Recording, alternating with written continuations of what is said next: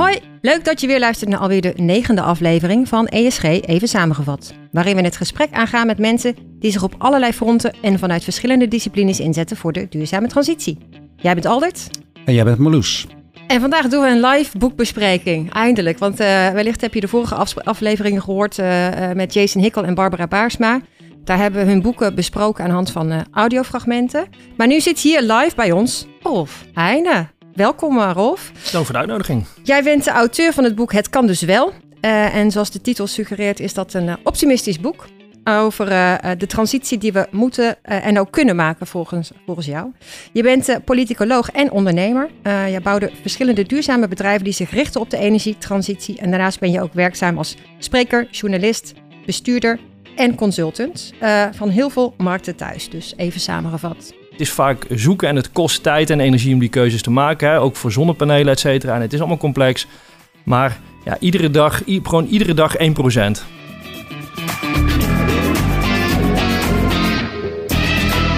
Ja, welkom Rolf, ook uh, namens mij. Leuk dat je ons gast wil zijn. Um, het kan dus wel, dat gaan we sowieso uh, uh, bespreken, het boek van je. Um, het, wordt een beetje weggezet, of weggezet, wordt, gezend, het wordt beschreven als optimistisch boek. Ik moet zeggen, dat duurde bij mij wel even voor ik bij dat optimistische deel kwam. Want volgens mij, ik zat op twee derde en ik, ik, ik, ik schreef naar Marloes van, uh, nou het is allemaal gloom en doom. Het is uh, allemaal kom en kwel tot nu toe. Uh, wanneer komt dat optimistische? Maar daar gaan we dan wel even over hebben. Ja. We beginnen met een aantal kleine dilemmaatjes om wat beter te begrijpen wie we hier aan tafel hebben. kort, kort, kort vraag, geen goede fout, snel antwoord alsjeblieft. Hmm. Ondernemer of bestuurder? Ondernemer. Kaas of vis? Vis. De auto op waterstof of op zonne-energie? Zonne-energie. Groene groei of ontgroeien? Uh, ontgroeien. En wanneer jij het klimaatakkoord voor Nederland zou mogen vormgeven, wat moet daar dan volgens jou absoluut in staan? Heb je even? Ja. nou, ik, ik, ik denk dat het aller, allerbelangrijkste is, is gewoon duidelijke richtlijnen om een stabiel investeringsklimaat neer te zetten. Dus, dus een hele harde pijler. In 2030 geen elektrische auto's meer. In 2030 80% van onze elektriciteit uit uh, hernieuwbare bronnen. Uh, ik, ik, denk dat dat de allerbelangrijkste uh, pijlers zijn. Het kan, maar de markt moet weten waar het aan toe is. En wil een lange termijn stabiel investeringsklimaat. Dus ik, ik denk dat dat de aller, allerbelangrijkste pijlers zijn. En ja, er, er, is natuurlijk heel veel ruis op de lijn over uh, de rol van waterstof, CCS. Um, nou, schaliegas was natuurlijk jarenlang een, uh, een, een, grote push. Um, moeten duidelijke keuzes gemaakt worden. En bij voorkeur evidence-based en op basis van mooie voorbeelden in andere landen. De, de, techniek is er. De keuzes moeten gemaakt worden. Even, even over je achtergrond, uh, want die, die, dat interesseert me wel. Je, je bent begonnen elektrotechniek. Nou weet ik uit betrouwbare bron dat elektrotechneuten zijn echt de nerds van, uh, van elke uh, technische hogeschool of universiteit. En, en daarna ga je uh, richting leiden politicologie. Ja. hoe, dat is toch een nou, opvallende move, laat het zo... Ja, dat is het. Ik, ik was vroeger niet een enorme student. Ik was vooral heel erg geïnteresseerd in sporten. En gamen kwam toen een beetje op in, in mijn jeugd. Dus daar, daar was ik vooral mijn tijd mee, mee zoet. Um, ik heb zelf niet heel erg gekozen wat ik wilde gaan doen. Mijn vader heeft me toen ingeschreven voor de, voor de MTS. Daar ben ik naartoe gegaan. Daar ben ik na een paar jaar mee gestopt. Toen ben ik gaan werken als elektricien. Na anderhalf jaar kwam ik erachter dat ik daar niet goed genoeg voor was. En toen ben ik uh, elektrotechniek gaan studeren. Dus dan ben ik meer mijn hoofd gaan gebruiken dan mijn handen.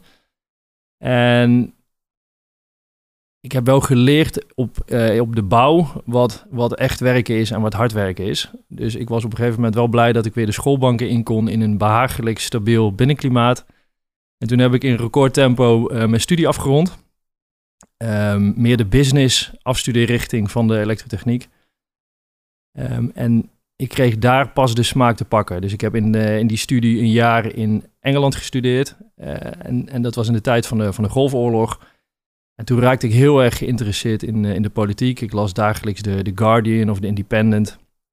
En werd toen eigenlijk pas getriggerd um, wat er verder in de wereld speelde dan alleen maar mijn dagelijkse uh, enjoyment. Hm. En toen ben ik een reis gaan maken door het Midden-Oosten. Ja. Um, om te zien hoe het daar werkelijk was. En toen merkte ik een groot contrast tussen het beeld wat hier, we hier hebben over het Midden-Oosten en wat ik daar zag. En toen heb ik mij heel spontaan ingeschreven voor de studie politicologie in Leiden. Maar wat bedoel je met het verschil in dat beeld, dat, dat verschil? Nou, in, in, in die tijd, um, ik, ik, was toen nog wat jaartjes jonger. Dus het beeld wat ik had over het Midden-Oosten was voor een deel in de krant. Nou, de, de, berichtgeving over de oorlog was natuurlijk niet heel florissant. Mm -hmm. Maar voor een deel natuurlijk gekleurd door mijn jeugdsentiment met films als Rambo. En, nou, en, dat, en dan, dat ging heel erg over stereotypen. Ja, ja, oké. En, en, Toen je daar was, zag je dat het anders was? Ja, de warmte, de gastvrijheid, het hele dunne laagje vernis, wat we cultuur of religie noemen. Um, als je daar doorheen prikt, dan ja, is er gewoon gezelligheid en warmte, niet heel veel anders dan hier. Dus dat, hm. dat, dat, was een hele bijzondere reis. En dat was voor mij de trigger om mij daarin te verdiepen. Okay. Ik was natuurlijk afgestudeerd, maar ik dacht, ik ga het een jaar proberen. En als het, als het niets is, dan uh, ga ik... Uh, in de elektrotechniek iets doen. Ja, ja. En is journalistiek ook nog uh, in je opgekomen? Um, grappig dat je dat zegt, want daar heb ik uh, zeker over nagedacht. Maar na uh, vier, vijf jaar studie in Leiden wilde ik um, uit de boeken en niet ja. in de boeken. Dus ik, kreeg, ik, ik had een, inderdaad een aanbieding om in de journalistiek iets te gaan doen. En daar heb ik toen nee op gezegd. Dat was overigens een lucratiever aanbod dan wat ik uiteindelijk in de energietransitie ben gaan doen. In die beginjaren natuurlijk. Uh, maar ik vond het veel uitdagender. Ik ben uh, altijd ondernemend geweest. Um, maar wat, wat ben je dan gaan doen? Je, je had die tweede studie gedaan en, en, en, en toen ben je ondernemer gaan worden. Ja, ik werd, ik werd door, uh, door een kennis gebeld die zegt... we zijn in Noord-Holland aan het nadenken om een energiecoöperatie op te richten. Dat was in de tijd dat Tesla Energie net was opgericht. Dat was een van de allereerste energiecoöperaties in de, uh, die, die, die er toen was. Heel erg gericht natuurlijk op een van de Waddeneilanden. En het idee wat wij toen hebben uitgewerkt met een, uh, met een groepje was om een provinciale energiecoöperatie neer te gaan zetten. Met takken in verschillende gemeenten, steden. Hm. Um, met een, een eigen energieleveranciers uit, uit de regio, uh, van de bio-energiecentrale uit Alkmaar. En er was natuurlijk een hele discussie over, ja, groen gas be, bestaat niet op, op serieuze schaal. En, en het vergroenen met het aanplanten van bomen of beschermen en bossen in andere landen, dat, daar kon ik mij toen niet in vinden. Dus we hebben gewoon elektriciteit uit de regio, regulier gas. Um, en een, uh, een, rechtspersoon van een coöperatie. Dus klanten werden ook leden. En het idee was om de revenuen van de verkoop van energie terug te investeren in de regio uh, in duurzame energieprojecten. En dat uh, hebben we een aantal jaren gedaan. En dat is de, de, de, de, de Noord-Hollandse energiecoöperaties. Ze bestaan nog. Okay. Maar het is, het is nooit de grote geworden zoals wij dat hm. hadden voorgenomen. Maar misschien wel uh, inspiratie geweest voor andere nieuwe lokale energiecoöperaties of, of, nieuwe initiatieven? Ja, ja, we hebben er een heleboel geholpen en bijgestaan in die, uh, in, in die periode. Er waren, er waren al heel veel clubs die bezig waren met verduurzaming, ja. energietransitie. Alleen het was ook nog de tijd waar, waar verduurzaming heel erg ging om uh, windenergie. Ja, en het was ook de tijd van de, van de NIMBY, de, de weerstand tegen, tegen windparken in, uh, in de provincies. En ik heb een heleboel van dat soort Poolse landdagen gezien dat bestuurders weggehoond werden uh, voor hun wind, uh, windprojecten. Maar die is er nog steeds wel, toch, die weerstand? Of, of, of zeker, zeker. Ja. Wind op land, daar is zeker nog heel veel, heel veel weerstand in. Ja. Dus dat, dat, dat, is niet anders. En in die tijd was dat een van de enige dingen waar je als coöperatie mee aan de slag kon, om echt revenue uit te halen. Alleen ja, daar was je gewoon te klein voor. Um, als je zag de, de grote energiebedrijven en ontwikkelaars, die waren voor. Die hadden de bulk van de boeren ook contracten laten tekenen. Uh, met uh, ja, right of first refusal, et cetera. Ja. Dus daar, daar, daar, daar, kwam je niet tussen en je had de, de kracht niet. En je was nog een bedrijf aan het opbouwen die überhaupt nog energie aan het net aan het leveren was. En klanten moest werven. En om een projectenpoot bij te doen, ja, daar, daar had geld bij gemoeten. En er is natuurlijk geen investeerder die in een coöperatie zegt hier heb je een zak geld, uh, ga maar bouwen. Dat, ja, ja. Daar, is, daar was de rechtspersoon ook niet de juiste voor in die, in die tijd. Hm. En zonne-energie speelde nog geen rol in die tijd. Dus dat, ja, we waren daarin te vroeg. En ik denk dat de cultuur in Nederland daar niet uh, toereikend voor is. Ja. Je, je noemt een aantal keren van me op revenue, um, investeerders, winst maken. Um, jij gelooft dat dat de weg is om een transitie te realiseren? Uh, ja, met goede bedoelingen uh, is een belangrijke drijfveer. Maar daar ga je niet um, uh, vitale infrastructuur mee ombouwen. Uiteindelijk moet er business mee, mee verdiend worden. Um, want de, ik, ik, deed er altijd laatdunkend over. Hè? Mensen die, die met vergroening bezig waren, dat, dat noemde ik gekscherend hippies. Dat, dat ben ik nu dus zelf ook. maar wel een business hippie. business hippie, ja. Um, je, uiteindelijk, um, als je fossiele energie wil vervangen, of de brandstofauto, of de, de beeldbuis, of uh, wat, voor product of technologie dan ook, dan lukt het alleen met een beter alternatief.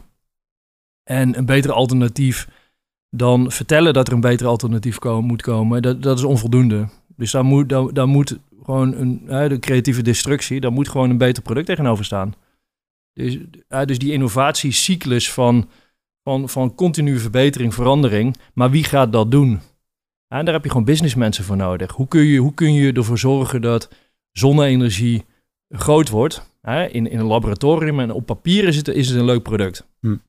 Maar je hebt ne, uh, om, om wat voor product dan ook succesvol te maken, heb je schaal nodig. En daar heb je investeerders voor nodig. En, maar ook subsidies. En, en, en in, opstart, uh, in, in opstartfases heb je daar ook zeker subsidies voor nodig. Ja, of hm. andere vormen van stimulering. Absoluut. Ja. ja. Ja, de schaal. En uiteindelijk moet het dan ook, misschien voor de, om het echt te laten werken, ook uh, een, een aantrekkelijker financieel, ja, financieel aantrekkelijker zijn voor consumenten om dat te doen. Ja. Ten opzichte van uh, het, het vervuilende alternatief. Absoluut. Ja. Anders wordt het niet. Ja. Hey, je noemt de wind en daarna ben je ook de, de zonnebusiness ingerold.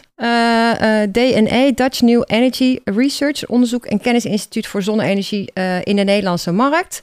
Uh, hoe, eh, wat, wat, wat was jullie rol daarin? Ja, uh, ruim tien jaar geleden ben ik met twee partners zijn we bedrijf begonnen. En ik kwam uit die energiehoek en zij kwamen meer uit de event business. We hebben toen een jaar lang een hoop consultancywerk gedaan voor met name overheden die aan het worstelen waren. Wat gaan wij doen met, uh, met de ambities, energieakkoord, wat, wat, wat toen speelde en, en in de lucht hing. Um, dus de eerste inkoopcollectieven voor zonne-energie waren er toen, wat subsidietjes, et cetera. En wij realiseerden ons toen dat um, met mijn energiekennis en hun kennis van events laten wij gewoon de eerste zonne-energie vakbeurs van Nederland gaan organiseren. Dus dat hebben wij uh, gedaan en dat werd meteen een, een groot succes als platform. Je moet je realiseren dat als je, als je bijvoorbeeld naar de LED-markt kijkt, ja, dat is uiteindelijk een markt die al bijna 100 jaar oud is. Niet, niet het product LED, maar de, de bedrijven en de ondernemers die in die LED-markt zitten, die komen uit de verlichtingsmarkt bijna allemaal. Dus dat is doorgeëvolueerd. Er bijna geen onder, eh, voor zonne-energie was er niet. Dus al die ondernemers die nieuw in die zonne-energiemarkt stapten, als installateur of als distributeur of uh, als groothandel, die hadden waren nog op zoek naar elkaar. Dus dat platform bouwen, bouwen wat wij hadden gedaan met, met een vakbeurs en, en congressen uh, en online media, dat, daar was heel erg behoefte aan in die, uh, in die beginjaren. Um, maar als ondernemer ben je ook op zoek naar handvaten. Van waar gaat die markt naartoe? Dus wij, wij zijn meteen begonnen met het doen van marktonderzoek. Dat was er toen niet. Dus het eerste Nationaal Solar Trend Rapport hebben wij toen geïnitieerd. En dat heeft ons nou ja, ieder jaar als jaarlijkse sectorrapport um, gewoon een goede zicht en grip gegeven op de, op de sector. Dus we, ja, wij waren daar vroeg bij. Um, en, en je bouwt dan meteen het hele netwerk op wat je tegelijkertijd faciliteerde. Dus wij zagen al redelijk vroeg dat zonne-energie wel een goede kant op ging. En je zag die prijzen natuurlijk schandalig hard dalen, jaar in jaar uit. Waarbij het inmiddels de goedkoopste elektriciteitsbron is uit de, uit de wereldgeschiedenis. Ja, dat is, dat is ongekend hoe snel dat is gegaan. Ja. Ook in Bloemendaal, waar je woont, veel zonnepanelen? veel te weinig. En vooral een gemeente waar wat het hoogste energieverbruik heeft per hoofd van de bevolking. Dus juist daar uh, precies meeste, weinig zon. Ja, dus, dus daar moet het hardste aan, aan getrokken worden om, uh, om te verduurzamen. Wanneer ben je boeken gaan schrijven trouwens?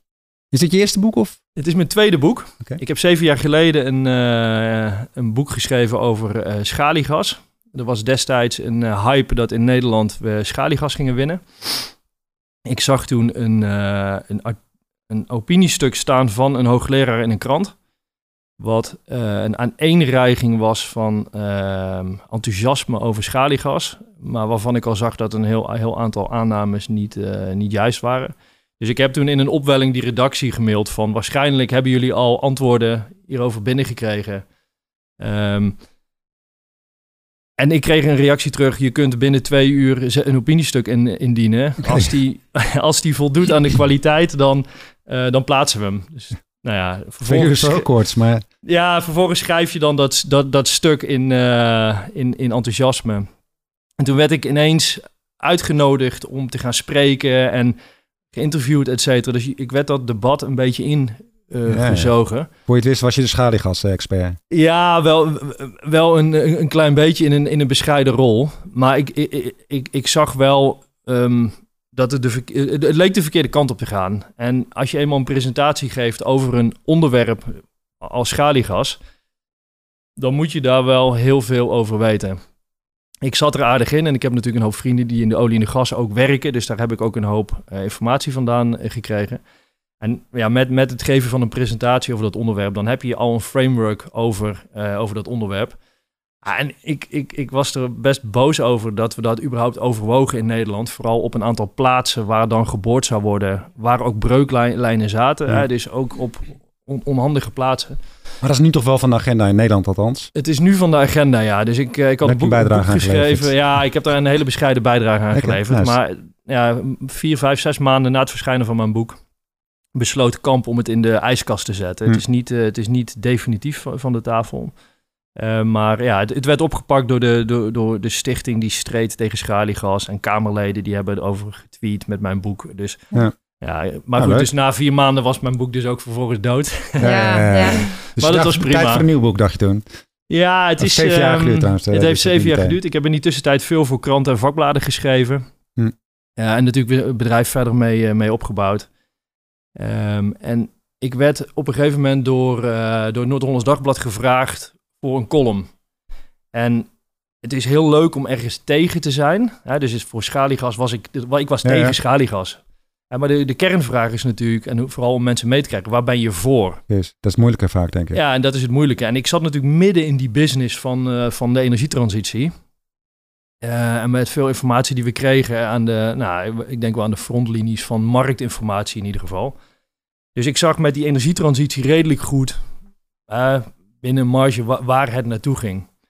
En ik wil, nou ja, en heel veel discussies waar je dan in komt met mensen. Dan kun je heel enthousiast praten over windenergie en zonne-energie. En dan, dan is heel vaak, wordt zo'n gesprek doodgeslagen. Ja, maar overbevolking. Ja, maar de Chinezen. Ja, maar ontwikkelingslanden. Zo'n beetje de ah, hoofdstukken van je boek zijn dat, toch? Ja, ja. ja wel een beetje. Dus, dus en op, dan, heel vaak dacht ik, ja, ja, ja, ik heb daar eigenlijk niet heel goed een antwoord op. Hoe zit het dan met die overbevolking? Groeien we maar, net als de economie, maar grenzeloos door, zonder dat daarover nagedacht wordt?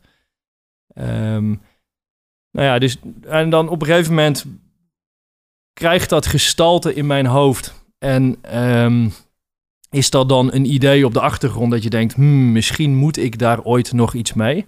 En toen na twee jaar column schrijven um, um, heb ik, um, had ik een gesprek met de krant. En toen uh, zei ik, ik zou het eigenlijk wel leuk vinden om een jaar lang over de oplossingen te gaan schrijven. En dan wat grotere stukken dan alleen een column. Dus ik heb een jaar lang iedere maand een stuk geschreven over de oplossingen. En dat heeft mij heel erg geholpen om daar iedere maand in te duiken. Um, dus in die vier thema's die mijn boek bestrijken, dus de, de, de klimaatcrisis, de ecologische crisis, de, um, de grondstoffencrisis.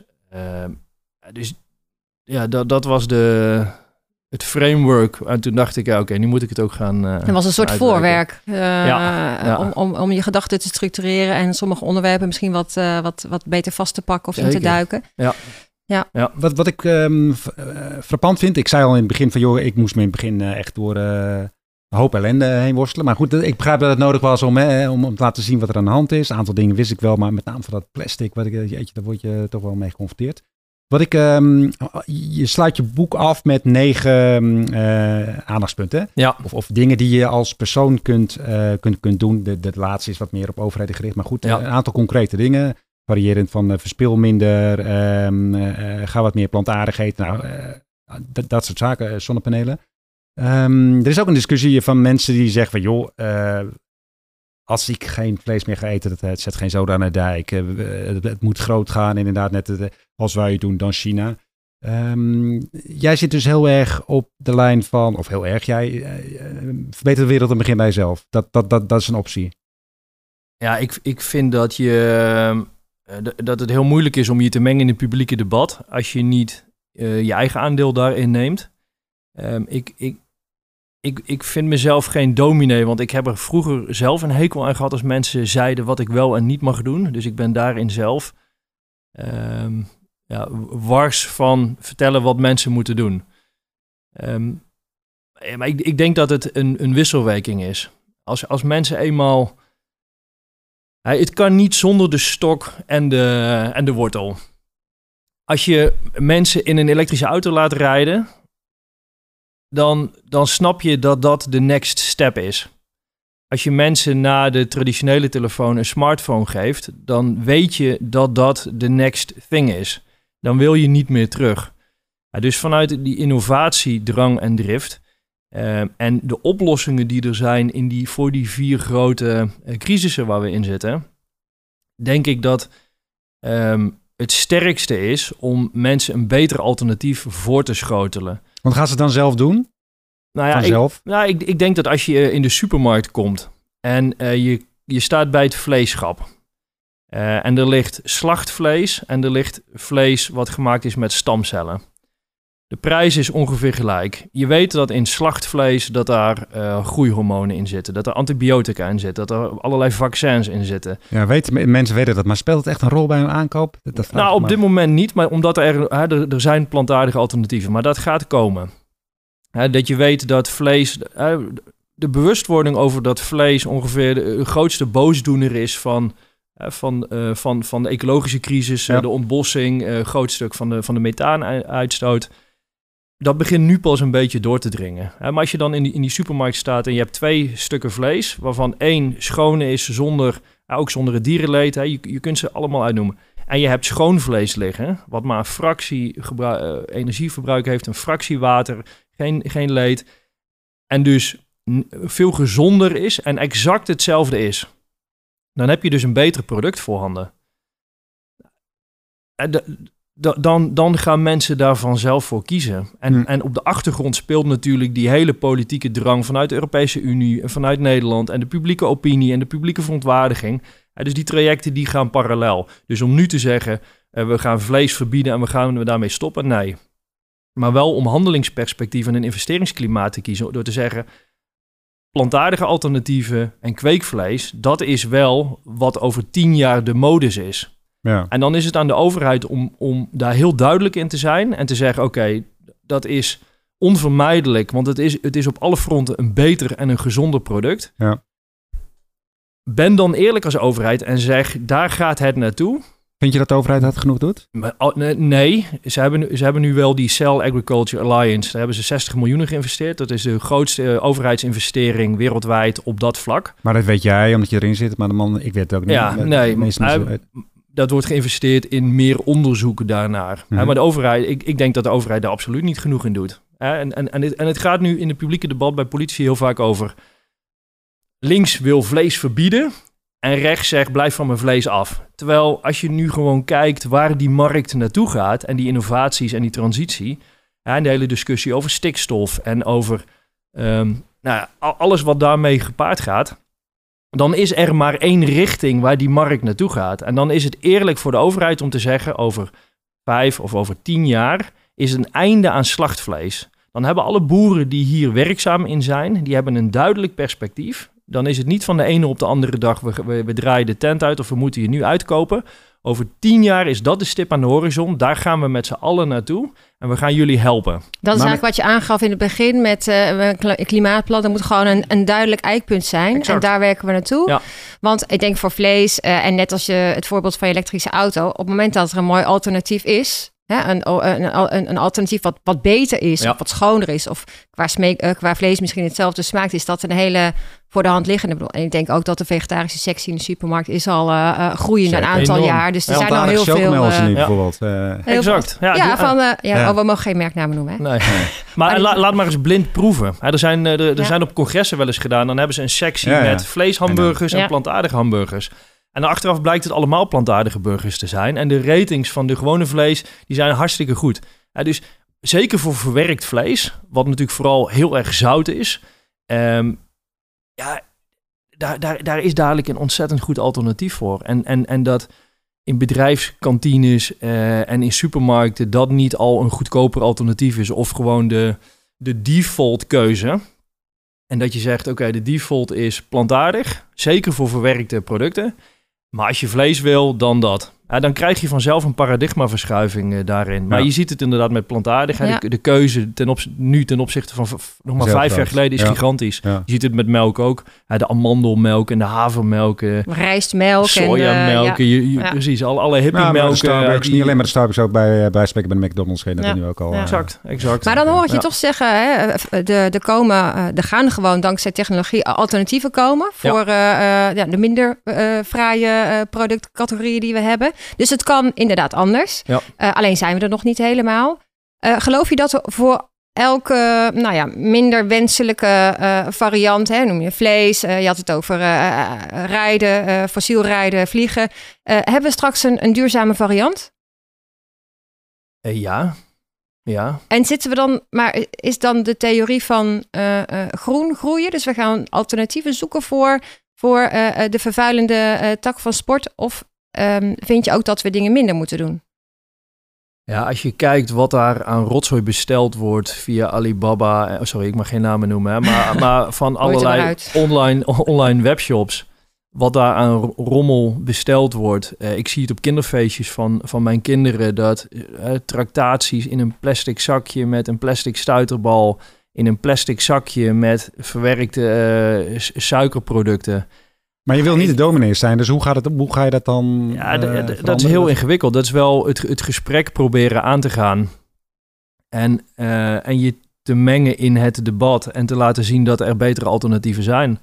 En ik weet dat je in bepaalde politieke kringen hoef je niet aan te komen met het klimaatprobleem. Maar het feit dat in een groot deel van Nederland PFAS uit de kraan komt, waarvan als je op de site van het RIVM kijkt onder het kopje PFAS, dat je je kapot schrikt over de, de toxische werking daar. Ja, eh, eh, leggen, kan je daarvan. uitleggen, PFAS? Wat, eh, wat is dat precies? ja, dat, i- dat, dat is een, een groep petrochemische producten die gebruikt worden in... eh, nou ja, de anti-aanbaklaag is heel bekend. Ja, in pannen en jassen, eh, kleding, eh, nou ja, speelgoed. het, het zit bijna overal op. Maar dat heeft een, een, een, een, toxische werking. Dus in die, die hele discussie, ja, de dominee, nee, maar niemand wil zichzelf of zijn kinderen vervuilen. Niemand wil een onstabiel klimaat. Niemand wil eh, eh, grootschalige ontbossing. Ja, dus er zijn een heleboel uitgangspunten waar we het met z'n allen over eens zijn. En dan is het de vraag over de manier waarop. Ja, dus ehm, groene groei, ja, minder, eh, minder groei. Ik, ik vind het ook een beetje een politiek-ideologisch eh, ideologisch debat. Nou, je zegt wel, we moeten minder spullen kopen, toch? Als een van je aanbevelingen. Ja. Of, of dat je de bamboe stuiterbal maakt, hè, bij wijze van in plaats van die plastic. Hè? Ik bedoel, Ja. je kan natuurlijk ook, ook voor die, nou ja, rotzooi noem het dan maar even, kan je natuurlijk ook een, een, een ander eh, alternatief gaan, eh, gaan ontwikkelen. Ja, ja ik, ik ga het gesprek natuurlijk aan met mijn kinderen die dan eh, bij, de, bij de tandarts komen en dan iedere keer een speeltje mogen uitkiezen uit Ja. een bak.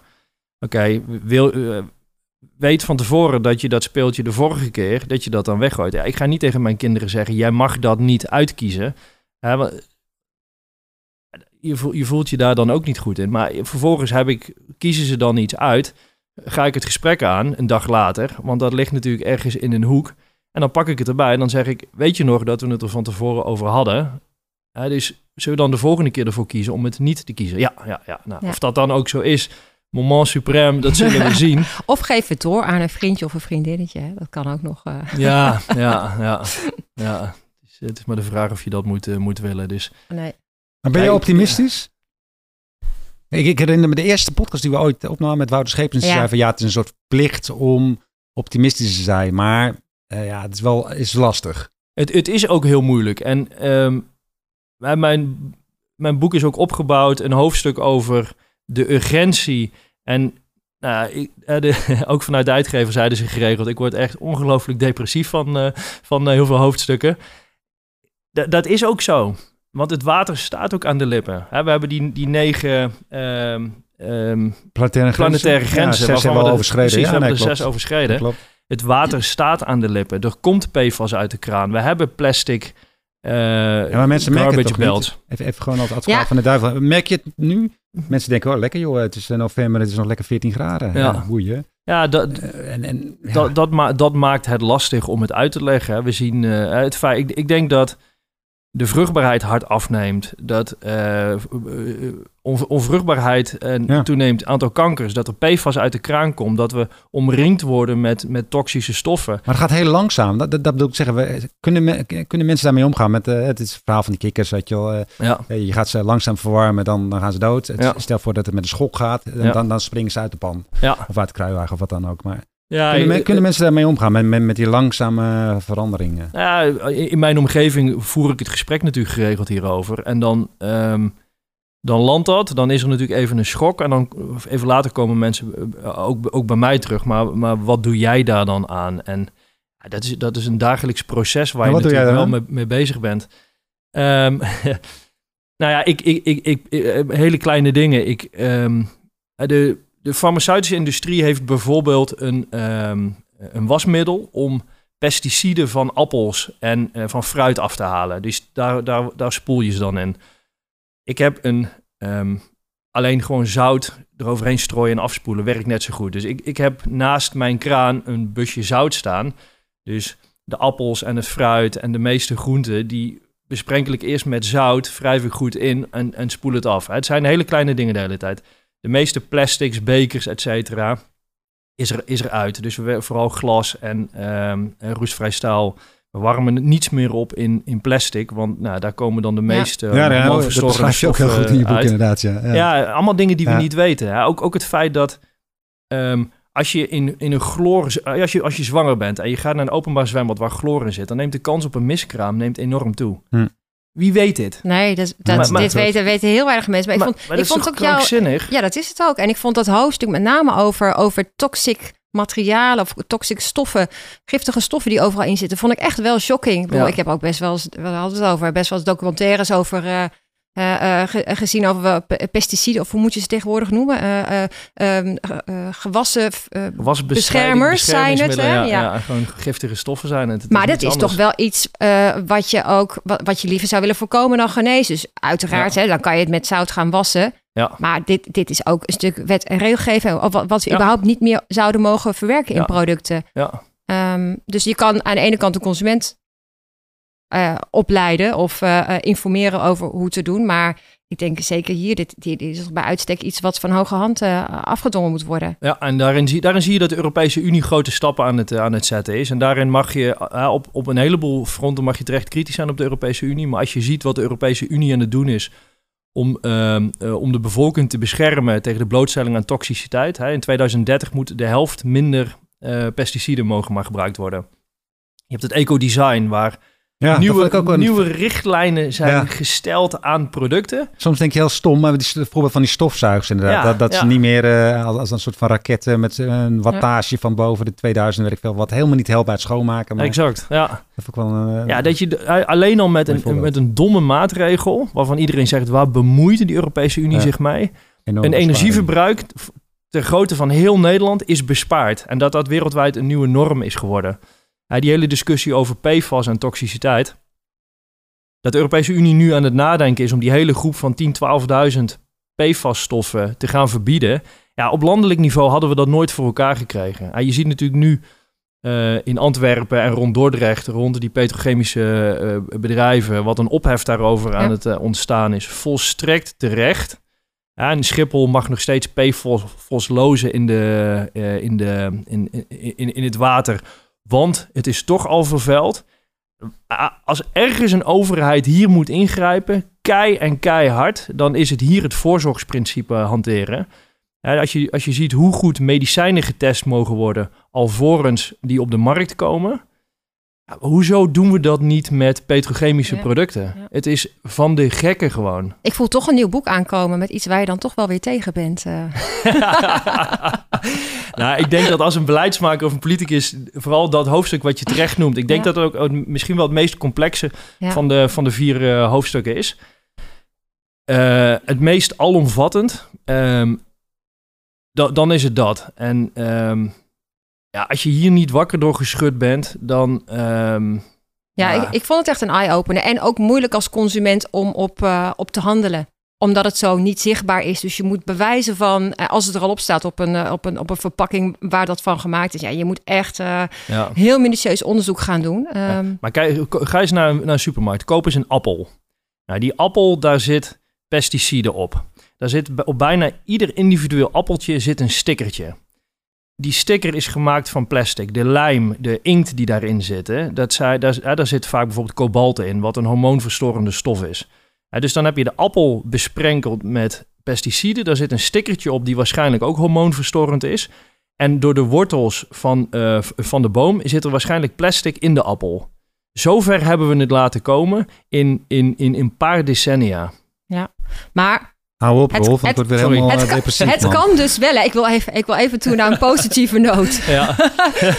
welke, welke positieve noot kunnen we nou, eh, zou je mee willen geven eh, uit je boek aan, aan de luisteraar? nou, we hebben het in, ehm, in hele korte tijd verkloot. Excuse my eh, English, eh, zeggen we dan.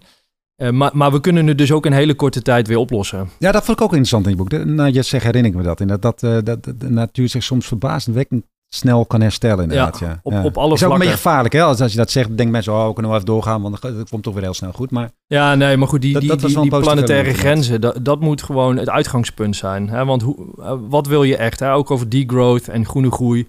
Wat is nou het uitgangspunt? En hoe serieus zijn we echt om deze problemen op te lossen? Hè, Als, als dat het uitgangspunt is en we willen deze problemen echt oplossen, of het nou over overbevolking gaat, hè, wat gepaard gaat met armoedebestrijding, wat een win-win situatie is, of we de energietransitie hebben waar we afstappen van het verbranden van ongelooflijke hoeveelheden grondstoffen die leiden tot klimaatverandering en vervuiling.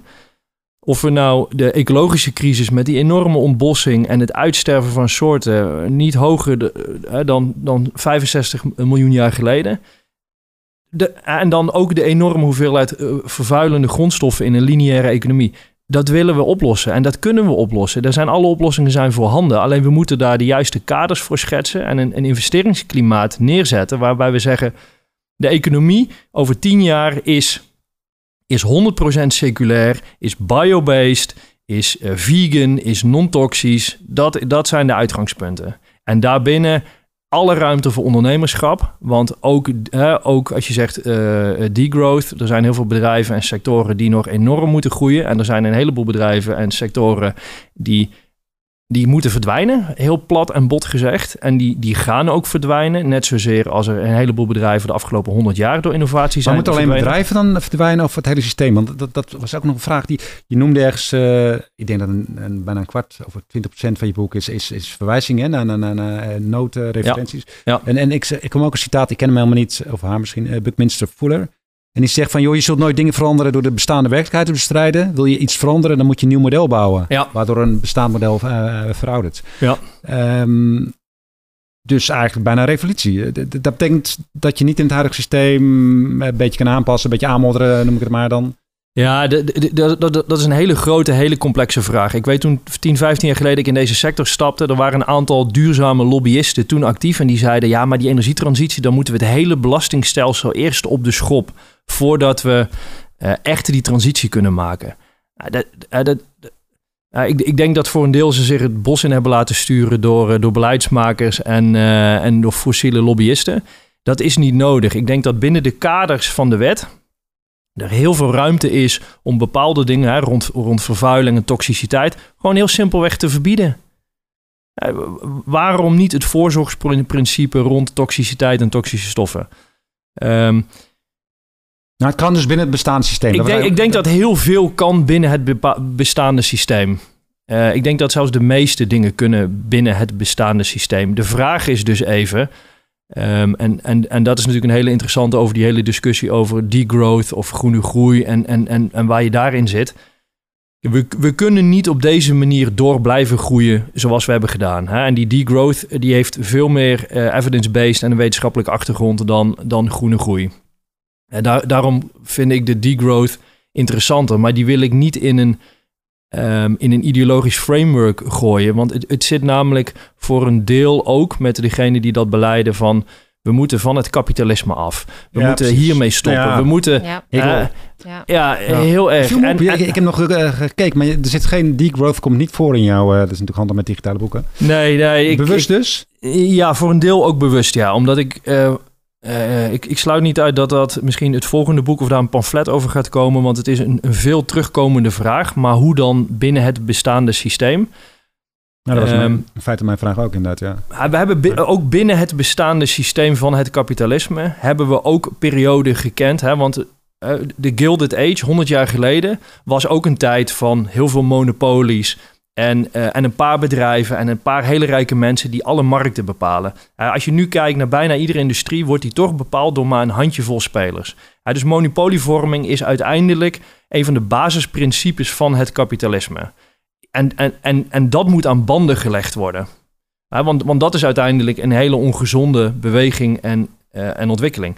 Maar na die Gilded Age hebben we in de periode van, van eh, Roosevelt Green Deal, et cetera, en de periode daarna, hebben we een periode gekend waar enorm eh, ge- gecontroleerd wordt. Hè? eh, vanaf, vanaf de eerste Theodore Roosevelt met die trustbusting. En, en in die periode is misschien wel het meest succesvolle economische experiment uit de menselijke geschiedenis geweest. En dat is het, de, de, de kaders creëren van het bouwen van, van een middenklasse. Want, want door het bouwen van een hele grote middenklasse is er enorme armoede is, is, is afgenomen. Daar is ook het consumentisme Ja. natuurlijk mee, Ja, precies. mee Want het heeft wel gecreëerd. veroorzaakt dat het natuurlijk... Dat- hè, er wordt ja. gezegd van opkomende markten. In Ja. China komt er nu ook een middenklasse. Ja, Ja. Die, die, die, eh, dat, En die willen allemaal meedoen en mee profiteren. Precies. En, en dat moet wel allemaal binnen de planetaire grenzen. Hm. Ja, dus om, daar, om, om te zeggen, we gaan het kapitalisme afscha- afschaffen en, en uh, Bakmensen Fuller een nieuw, nieuw systeem er tegenover eh, bouwen. Ja, ik, ik heb die voor een groot deel neergezet. Mensen willen handelingsperspectief. Want als je overgewicht hebt omdat je te veel speklapjes en taarten eet... ehm, en je voelt je eh, dik en ongezond en wat dan ook... dan weet je wat je moet doen om weer je goed te voelen en gezond te worden. Dat is heel duidelijk binnen de kaders van mijn influence-sfeer is dat eh, te doen. Als we het over het klimaatprobleem hebben, dan is dat natuurlijk heel groot en overstijgend. En wat is het individuele handelingsperspectief? En, en daarom geloof ik heel sterk in, in, in dat economische principe van creatieve destructie. Wat een van de pijlers van het kapitalisme is, is dat de overheid bepaalt het investeringsklimaat, maar dus ook de kaders waarbinnen markten ontstaan. Dus roken is- wordt natuurlijk eh, langzaam weggeband. We zijn van asbest af. We zijn van een aantal toxische stoffen zijn we af. De overheid die bepaalt dan toch wel de kaders waarbinnen dat gaat. En als wij dan eh, producten hebben door van slachtvlees af te gaan... ehm, een product daar neer te zetten wat precies hetzelfde is, maar veel gezonder en niet die, dat, dat, die nare effecten, ja, da- da- dan, dan is dat toch een oplossing. En dan binnen die sector en die bedrijven is er nog hartstikke veel ruimte voor, voor economische groei. Dus de, de vraag is, waar zitten de scherpe randjes van, van groei? En alleen al de overstap van, van ehm, eh, fossiele energie naar hernieuwbare energie. Als je kijkt eh, voor bijvoorbeeld de brandstofauto. De inefficiency van oliewinning tot raffinage, et cetera, bla, bla, bla, bla, bla, totdat het uiteindelijk in je auto zit, verbrand wordt om je auto voor te bewegen, is 70% verlies. Ja, Als je kijkt naar een elektrische auto, die heeft zeker, eh, zelfs op, eh, op kolenstroom, heeft die maar een, een, een, een energetisch verlies van 20%, 25%. Ja, maar wat gaan we dan doen? Ik ben het helemaal met je eens hoor. Ik ben Ja. voorstander van elektrische rijden. Maar wat gaan we doen? We maken die auto's nog zwaarder en groter. Ja. En, en waardoor een deel van die, die efficiëntiewinst weer wegstroomt. Ja, ja. ja en, da- en, en, en dat is een hele interessante. Kijk, een groot probleem daarvan is de, de, de CO2-footprint van het winnen van die grondstoffen en het bouwen van die, Ja. van die auto's. Ja. En dan dus vervolgens het opsoeperen van die grote auto's aan, ehm, eh, aan transport. De eerste stap is natuurlijk alle grondstoffen die we winnen. We moeten natuurlijk zo min mogelijk grondstoffen proberen te gebruiken. En, en, en, en, hier kom je natuurlijk in dat gebied van waar ga je daar aan zitten? Ik, ik vind het mooi als je, als je kijkt hoeveel grondstoffen we jaarlijks winnen aan steenkool, eh, aardgas en, ehm, en, en aardolie. Hoeveel we daar winnen. En, eh, ten opzichte van de grondstoffen die nodig zijn voor de energietransitie, of dat in auto's is, of eh, in die zonnepanelen of in windmolens, dan hebben we het over achter de komma vergeleken met wat we aan fossiele energie. Zo weinig grondstoffen. Dus, dus laten we het even in perspectief plaatsen. Die fossiele brandstoffen, die, die steken we ieder jaar in de brand. Die grondstoffen die we gebruiken voor de energietransitie en ook voor auto's, hè, de discussie SUV's of, of kleine sedannetjes of deelauto's, ik, ik denk dat daar ook weer een innovatiegolf vanzelf gaat komen. Maar die grondstoffen, die kunnen we allemaal gewoon in de, in de loop houden. Ja. Maar we kiezen ervoor om die niet nu in de loop te houden en daar uh, in de lineaire economie Hm. Ontginnen we het onder erbarmelijke omstandigheden niet zelden. Ook grondstoffen die voor duurzame producten worden gebruikt. Daar moeten we niet omheen praten. Dat is gewoon zo. Dus we moeten de hele keten transparant maken en circulair. En, en, en daar moeten we eerlijk over zijn. En daar moeten ook de fabrikanten van zonnepanelen, die moeten daar transparanter over zijn. Dat er geen kinderarbeid, dat dat onder normale werkomstandigheden gebeurt. Uh, en, da en dan wordt heel kritisch gekeken naar zonne-energie. Maar de bulk van de kleding die we aan hebben is natuurlijk ook ja, en daar, daar stellen we geen vragen over. Dus laten we dat allemaal schoner maken en duurzamer en socialer. En, en de bedrijven daar ook op aanspreken om de verantwoordelijkheid te nemen. Dat het is dan een nieuw kader. Dus eigenlijk Circular by Design zou ook een nieuw kader kunnen zijn of moeten zijn, waarbinnen je dan gaat handelen. Ik, ik, ik, ik zou het logisch vinden dat mijn smartphone, ja. dat als, als die stuk is, dat die weer teruggaat naar de fabrikant. En dat die verantwoordelijk is zelf verantwoordelijk is voor het herwinnen van die grondstoffen. En niet dat dat naar uh, West-Afrika wordt getransporteerd, daar in de brand wordt gestoken. Hm. Hè, want dat, dat gebeurt zo, uh, nog steeds. Wat, wat zou er gebeuren als iedere fabrikant alle producten gewoon terugkrijgt? Hoe zouden ze dan gaan ontwerpen? Ik denk dat ze heel anders en slimmer gaan ontwerpen om het goud, het zilver, het tungsten, tantalum, noem al die, die, die, die rare earth metals, om ze er allemaal weer uit te halen. Lithium, noem maar op. Dus leg die verantwoordelijkheid bij die fabrikanten. En dan laat ze, laat ze daar maar eens een nieuwe innovatie en een, uh, op, op, op het ontwerp van een product te toepassen. Ja, nou, maar dan krijg je eigenlijk een soort uh, paasmodel all over. Dus product as a service. Product blijft eigendom van. En bij gebruik, wij betalen slechts de gebruikskosten ervan. Ja, en dan kun, kun je kiezen of je, of je dat in een lease doet. Ofwel, ik, ik, koop voor, ik, roep, ik koop voor 600 euro een smartphone. En als ik hem inlever, dan krijg ik 150 euro terug. Dan is de incentive voor mij groot genoeg om hem daadwerkelijk terug te geven. Ja. Uh, en, en dan zul je wel die bedrijven wel de kaders moeten geven om het niet ergens anders heen te dumpen. Het, moet, het moet voor die bedrijven niet interessant worden om ook, ook die uh, kosten en vervuiling te externaliseren. En dat is natuurlijk nu de kern van wat er nu gebeurt. Ja. Vervuiling en grondstoffen worden geëxternaliseerd. Ja, true hm. pricing. Dus exact. True pricing in combinatie met circulair. Nou, ik denk dat we hem te pakken hebben. True pricing in combinatie met circulariteit en minder toxische uh, stuf in je, in je producten. Zeker. maar, maar, wel belangrijk, want je, het lijkt nu, uh, en, en, dat doe je niet hoor, uh, of je alle verantwoordelijkheden bij bedrijven uh, neerlegt, dat, dat niet. Want nee. wat, wat ik wel sterk vond in je boek, even los van je bekentenis dat je af en toe ook even wat, wat, wat kaas of vis neemt. Tuurlijk. Um, dat, dat, dat we zelf als consument ook een keuze maken. Dus iedere maaltijd, iedere aankoop, elke draai in de thermostaat en keuze van vervoer of vakantie heeft invloed. Ja, ik, ik, ja ik, ik ben continu bezig naar bedrijven en producten die bezig zijn. Ik draag alleen nog maar kleding, bijna alleen nog maar kleding van, van bamboe. We hebben net ons dekbed vervangen uh, van, van katoen voor Tensel. Ik had nog nooit van Tensel gehoord. Uh, via, via prachtig beddengoed van een, uh, van een, Nederlandse relatief jonge ondernemers. veel duurzamer, veel minder watergebruik en, en, en ik lig eronder. En ik wil nu niet meer anders. Dus ja, het kan het gewoon. Kan gewoon en, en, en het zijn allemaal kleine stapjes. En het, en het is vaak zoeken en het kost tijd en energie om die keuzes te maken. Hè? Ook voor zonnepanelen, et cetera. En het is allemaal complex. Maar ja, iedere dag, gewoon iedere dag 1%. Ja, heel mooi. Ja. ja. Laten we hem daarmee afsluiten. Oké, ik had nog wat, maar maar net. Ja, goed.